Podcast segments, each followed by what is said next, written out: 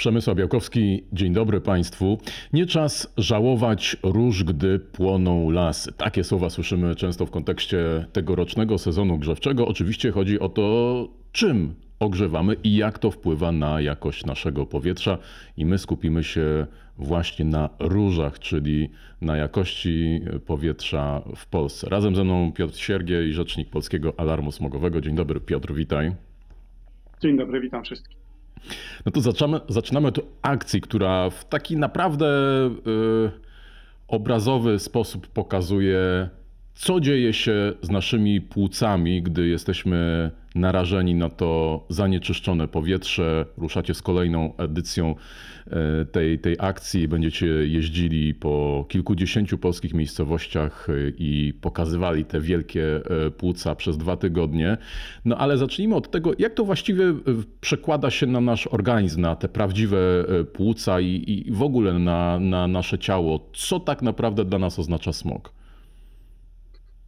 Smog, czyli e, inaczej mówiąc zanieczyszczenie powietrza, e, to są te wszystkie drobiny, te pyły, pyły zawieszone, no mówimy trochę bardziej naukowo, e, które unoszą się w powietrzu różnej wielkości, od tych większych nazywanych PM10 do tych bardzo drobnych PM2,5 czy PM1.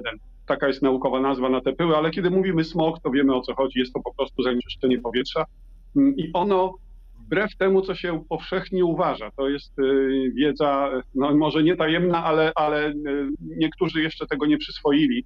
Zanieczyszczenie powietrza paradoksalnie nie wpływa w największym stopniu na nasz układ oddechowy, no bo wydawałoby się smog, zanieczyszczenie powietrza, no to płuca, choroby płuc i tak dalej. Oczywiście to również, natomiast w głównej mierze zanieczyszczenie powietrza y, skutkuje pogorszeniem się naszego zdrowia i naszego układu sercowo-naczyniowego. Czyli inaczej mówiąc, smog to udar, smog to zawał, zwiększona zachorowalność na udary czy zawały i zwiększona śmiertelność.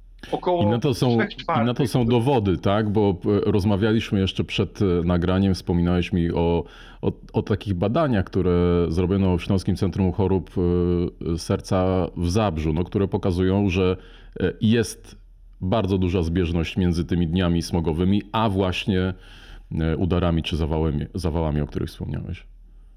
No oczywiście, e, tutaj e, klinika doktora religii pokazuje, że w takie dni smogowe, czyli w takim dniu, w którym to powietrze jest szczególnie mocno zanieczyszczone, w tej klinice umiera 8% osób więcej. Przyjeżdża tam ludzie słabego zdrowia, ludzie, którzy mają problemy z układem sercowo-naczyniowym, potencjalny zawał, potencjalny udar. To ci ludzie właśnie w tych dniach smogowych i dniach później, kilku, kilka dni po epizodzie smogowym, bo ten efekt smogu odkłada się i to się w ciągu kilku dni odzywa w naszych organizmach. To skutkuje rzeczywiście nagłym wzrostem umierania ludzi. Więc rzeczywiście smog zabija i to potrafi zabić osoby chore w bardzo krótkim czasie. A czy są jakieś e, szersze wyniki wskazujące, no jak to w skali kraju wygląda, czy wyglądało w jakimś konkretnym okresie, gdy ten smog był rzeczywiście bardzo duży? No tutaj próbując ująć to tak bardziej całościowo, czyli już nie mówiąc o poszczególnych miastach czy przypadkach, to tak oczywiście Europejska Agencja Środowiska każdego roku publikuje raporty, które mówią, ile osób umarło od zanieczyszczenia powietrza we wszystkich państwach europejskich. Dla Polski to jest średnio 45 tysięcy osób. Tyle osób mniej więcej umiera na skutek zanieczyszczenia powietrza w kraju. Tak dla odniesienia skali, te 45 tysięcy osób to jest miasto Kołobrzeg, albo to jest miasto Oświęcim, całe miasto, które umiera każdego roku na skutek zanieczyszczenia powietrza. Ale patrząc tak już bardziej szczegółowiej, no to przypomnijmy sobie rok 2017. Nie wiem, czy widzowie pamiętają, bardzo silny smog w Polsce. Cały styczeń, połowa lutego, stężenia były bardzo wysokie. No i co się okazało? W ciągu tych pięciu, sześciu tygodni zaledwie zimowych, smogowych tygodni zmarło 11 tysięcy osób więcej, o czym powiadomił Główny Urząd Statystyczny. Ale tutaj też e, oprócz tych drastycznych sytuacji z zgonów, zawałów, e, to e, no, zakładam, że duże problemy z oddychaniem, ze zdrowiem mają na przykład astmatycy, których jest przecież mnóstwo. No tak, to prawda. To jest coś, co właściwie w ciągu kilku minut już zaczyna oddziaływać na osoby chore na astmę. Mam koleżanki w, w alarmach smogowych, które mówią mi, Piotr, słuchaj, Ja nie potrzebuję pyłomierza, nie potrzebuję mierzyć jakości powietrza, bo kiedy wychodzę na zewnątrz, to natychmiast czuję, że mam problemy z oddychaniem i muszę użyć inhalatora. I to mówi bardzo wiele osób z astmą. Rzeczywiście tak jest, zanieczyszczenie powietrza zaostrza natychmiast, w zasadzie w ciągu kilku minut objawy astmy i osoby astmatyczne rzeczywiście są dużo bardziej wrażliwe na te pyłki, na te y, pyły zawieszone, które znajdują się w powietrzu i które sprawiają, że jest tym osobom trudniej oddychać, ich dobrostan się gwałtownie pogarsza. No to zostawmy już ten wątek czysto medyczny i przejdźmy teraz do najnowszego rankingu polskiego alarmu smogowego. To może zacznijmy od podstaw. Właściwie jak jest opracowywany taki ranking? No bo to jest bardzo medialne, tak? Jeśli co roku publikujecie, pokazujecie, że a w tym roku w tej czy w tej miejscowości była najgorsza e, jakość powietrza w Polsce, no to to daje do myślenia. E, no ale co się, co się na to składa właściwie? No, w naszych rankingach, które publikujemy rzeczywiście od, od bardzo dawna, od 6 lat, my posługujemy się oficjalnymi danymi pomiarowymi, które prowadzi Główny Inspektorat Ochrony Środowiska, bo ta instytucja, która w Polsce mierzy jakość powietrza, ma około 300 stacji pomiarowych rozrzuconych po powierzchni całego kraju. I te stacje w sposób bardzo wiarygodny podają jakość powietrza. I do tych danych można dotrzeć, można je uszeregować od najlepszych do najgorszych czy też tak jak my robimy od najgorszych, czyli poczynając od tych smogowych liderów i można pokazać, w których miejscowościach to powietrze jest najgorszej jakości. Tu jedna uwaga, która już może trochę wynikła z tego, co mówię. My podajemy w tym rankingu tylko te miejscowości, w których faktycznie jest mierzona jakość powietrza przez Główny Inspektorat Ochrony Środowiska.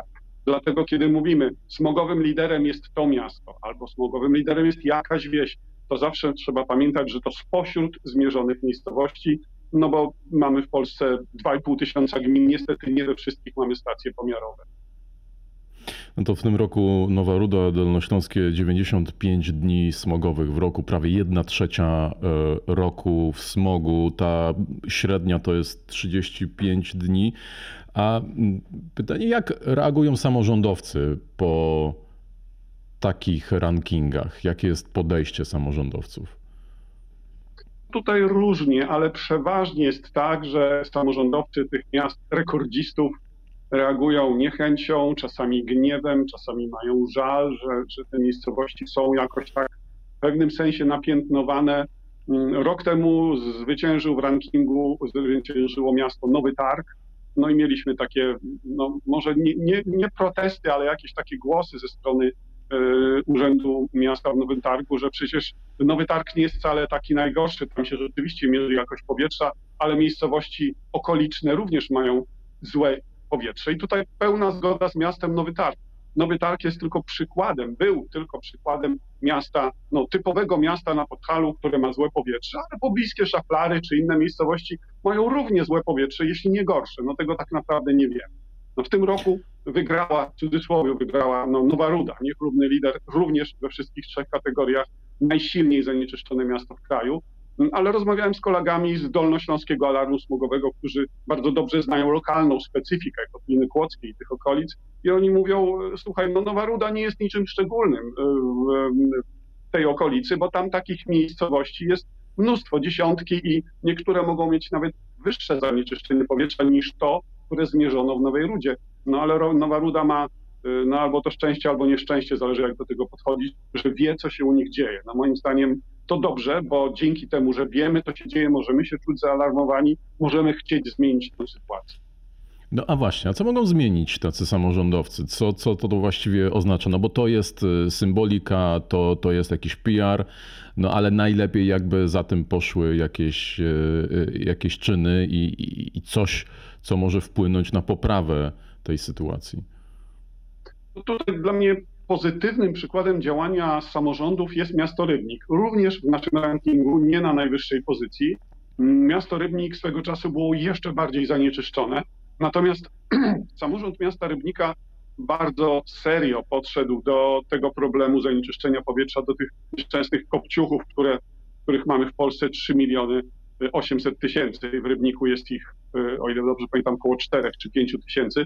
I za, za, zabrał się ten samorząd za likwidację tych kopciuchów, zarówno w swoich zasobach, jak i nakłaniając, przekonując mieszkańców do tego, żeby te kopciuchy likwidowali. Y, To jest bardzo duża rola samorządów, ale oczywiście bez współdziałania samorządu z mieszkańcami, bo przecież to oni w swoich domach te kopciuchy powinni polikwidować, prawda? Samorząd może ich wspierać, może wypełniać wniosek, może wskazywać źródła finansowania wymiany takiego kopciucha, natomiast no, decyzja należy do nas, do obywateli, do właścicieli tego kotła. No i tutaj ta współpraca obywateli z samorządem, dobre zrozumienie problemu wydaje mi się bardzo, bardzo ważne w tym, żeby poszczególne miejscowości sobie z tym problemem poradziły, choćby tak jak Kraków, w którym, uwaga, zlikwidowano około 40 tysięcy kopciuchów w ciągu około 5-6 lat. To jest potężna liczba, niebywałe wydarzenie, niebywały sukces na, na naszą polską skalę.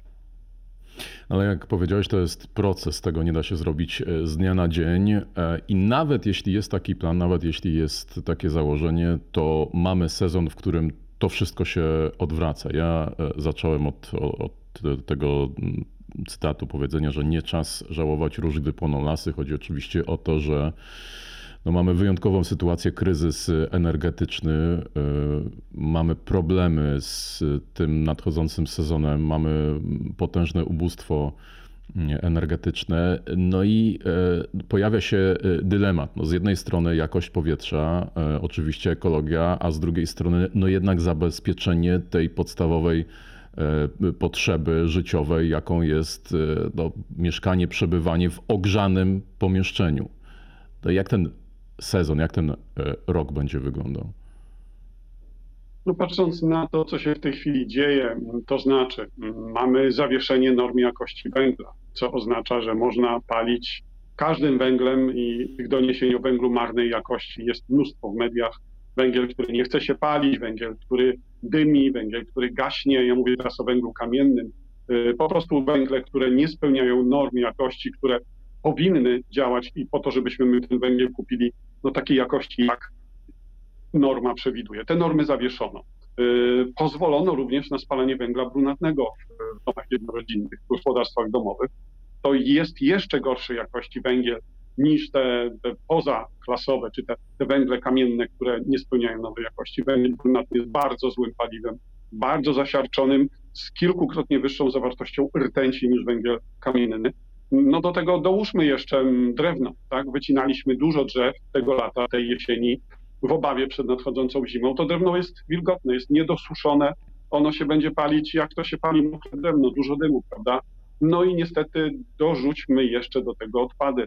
Gminy, wiele gmin raportuje, że na wysypiska trafia mniej śmieci, mniej śmieci niż w analogicznym okresie poprzedniego roku, co pozwala przypuszczać, że zapewne część tych śmieci zostanie spalona to będzie bardzo toksyczny koktajl w powietrzu unoszący się tej zimy, tego sezonu grzewczego. No ja mam nadzieję, że to będzie ostatni taki sezon grzewczy, w którym taką sytuację, z taką sytuacją mamy do czynienia. Pomówmy jeszcze trochę o tym, gdzie to powietrze jest lepsze, gdzie gorsze i od czego to zależy. Wspominaliśmy o rankingu, ale zakładam, że tutaj zresztą wspomniałeś, że to często jest tak, że pokazuje się jedno miasto, jedną miejscowość, a zaraz obok jest tak samo albo, albo jeszcze gorzej. Właśnie od czego to zależy? Chyba takim przykładem, który to dobrze pokazuje, jest Kraków i obważanek krakowski, gdzie no niekoniecznie w miejscu, gdzie już nie ma kopciuchów, czy nie ma przemysłu, nie ma też smogu, bo, bo często ten smog jest nawiewany po prostu, zależy to od położenia. Co jeszcze na to wpływa?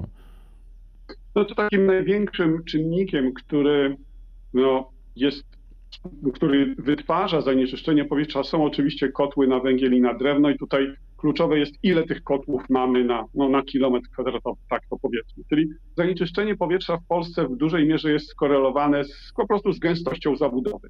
Jak mamy bardzo dużo domów na małym obszarze i w tych domach jest tysiąc kopciuchów, dwa tysiące kopciuchów, tam powietrze jest fatalnej jakości. Jak mamy jakąś rozległą wieś, w której funkcjonuje 30-40 kotłów na węgiel czy drewno, w przypadku wsi pewnie głównie na drewno, no to to powietrze jest relatywnie czystsze. No ale tak jak wspomniałem, 3 miliony 800 tysięcy kotłów na węgiel i drewno w Polsce, rozrzuconych w miarę równomiernie po powierzchni kraju. Czyli tak szukając miejsc, w których no, moglibyśmy zamieszkać, moglibyśmy, chcielibyśmy uciec od zanieczyszczonego powietrza, to jeśli miałbym coś rekomendować, no to takie miejsca, w których jest jak najmniej zabudowań, po prostu, bo tam nie ma ludzi, nie ma kominów i nie ma dymów. No również miejsca bardziej wietrzne. Tutaj oczywiście myślimy o Pomorzu, miejscu, w którym tego wiatru jest więcej, e, ten dym jest skuteczniej rozwiewany. Natomiast no, z tych najgorszych, no to oczywiście kotliny górskie, gdzie w dni bezwieczne ten dym po prostu jak w wielkiej misie utrzymuje się. Zresztą widać to w górach, jak się wiedzie wyżej, nawet w Zakopanem wiedzie się wyżej, spojrzy się w dół, to się widzi Zakopane pogrążone w takim brązowym dymie, który, który praktycznie zakrywa całą miejscowość. To dotyczy nie tylko Zakopanego, praktycznie każdej miejscowości położonej w kotlinach górskich. Nawet wspomniana Nowa Ruda ma bardzo podobną sytuację. Leży w dolince, tam jest dużo tego dymu, on się gromadzi właśnie tam, gdzie mieszkają. Co ciekawe, co paradoksalne, właściwie w tym rankingu znalazło się też uzdrowiska. No tak, no to jest e, chyba naj, najsmutniejsze z tego naszego rankingu, bo to, że smog jest wszędzie, nawet w małych wioskach, to już wiemy. Natomiast to, że smog jest w uzdrowiskach i do tego stopnia to stężenie jest wysokie, że, mm, że te uzdrowiska no, do pierwszej dziesiątki najmocniej zanieczyszczonych miejscowości, to jest rzecz naprawdę tragiczna i smutna, bo no, na przykład w rankingu występuje miejscowość Rabka Zdrój, w Rabce Zdrój powoli się poprawia jakość powietrza, no ale wciąż jest fatalna niestety. A Rabka Zdrój to jest miejscowość, w której leczymy choroby płuc. E, no więc wydawałoby się, no, inne uzdrowiska również, prawda? Goczałkowice Zdrój e, są w naszym rankingu, Sztawno Zdrój też są w rankingu w tych najmocniej zanieczyszczonych miejscowościach. Zresztą w innych uzdrowiskach, żeby już tak nie punktować tych trzech nieszczęsnych, które trafiły do dziesiątki najmocniej zanieczyszczonych, to mm, Najwyższa Izba Kontroli sporządziła taki raport, w którym sprawdzała, jak wygląda stan środowiska w miejscowościach uzdrowiskowych. No i niestety bardzo źle to wygląda. Właściwie w prawie wszystkich, w 80% zbadanych uzdrowisk, no, warunki zdrowotne czy warunki klimatyczne mm, no, nie były w tych uzdrowiskach zadowalające. Tak mówi raport Najwyższej Izby Kontroli, co zresztą potwierdzają no, choćby te rankingi, które my publikujemy, te miejscowości uzdrowiskowe no, są w tych rankingach obecne od, od dosyć dawna. To jeszcze na koniec tak e, zbiorczo, ale też trochę długoterminowo, bo mówiliśmy, że, że to nie jest rzecz, która wydarzy się z dnia na dzień. Jak wygląda realizacja uchwał antysmogowych e, w poszczególnych samorządach? E, jak, wy, jak może też globalnie są pewnie jakieś dane, idzie wymiana kopciuchów, no bo to jest jednak kluczowa sprawa. Tutaj nie, nie mam dobrych wieści. To znaczy, wymiana kopciuchów rzeczywiście jest, ona się odbywa, natomiast odbywa się w tempie zbyt wolnym i niewystarczającym na to, żeby spełnić wymogi uchwał antysmogowych, e, tych, które już weszły, e, no, do, o które już zaczęły obowiązywać. Na przykład województwo śląskie, gdzie już od początku tego roku e, kopciuchy starsze niż 10 lat nie mają prawa użytkowania. Nie udało się zlikwidować wszystkich niedługo 1 stycznia mm, wchodzi zakaz kopciuchów w województwie łódzkim i mazowieckim, trochę później województwo małopolskie. Tam też nie udało się tych kopciuchów wszystkich polikwidować. Y, bardzo trudny proces, wydaje mi się, że trudny w sensie też społecznym, żeby przekonać ludzi do tego, żeby pozbyć się tych najgorszych kotłów. My robimy to od lat, przekonujemy ludzi y, z różnym skutkiem. Miasto Rybnik wspomniane bardzo dobrze sobie radzi, jest no, jest liderem wymiany tych kopciuchów, w sensie jak sobie gmina i mieszkańcy tej gminy radzą, no ale tam, jak powiedziałem, samorząd bardzo aktywnie i bardzo, bardzo dobrze współpracuje z mieszkańcami po to, żeby ten proces wymiany kopciuchów był jak najskuteczniejszy. Natomiast no, mamy gminy, w których to idzie naprawdę marnie i tutaj no niestety szkoda, szkoda dlatego, że jedno, dwa zdania. Kopciuch jest bardzo nieefektywnym źródłem ciepła. W tej chwili jest najdroższym źródłem ciepła. Dlaczego najdroższym? Bo żeby spalić w kopciuchu powiedzmy 4 tony węgla, z tych 4 ton węgla tylko połowa tego węgla przekłada się na ciepło naszego domu. Druga połowa wylatuje kominem.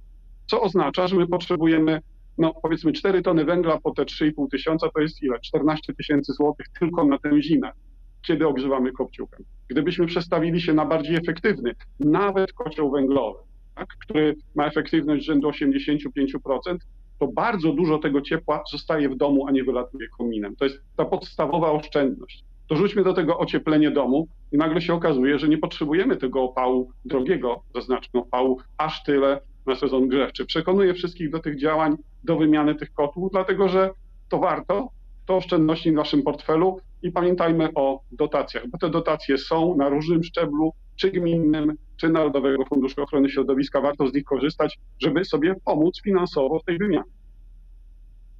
I niech to będzie podsumowanie tej naszej rozmowy. Pięknie dziękuję. Piotr Siergiej, rzecznik Polskiego Alarmu Smogowego. Dzięki wielkie, wszystkiego dobrego. Dziękuję również. Państwu też dziękuję. Zapraszam na kolejne odcinki wideokastu w Zielonej Interii. Przemysł Białkowski. Kłaniam się. Do widzenia. Do zobaczenia. Thank you.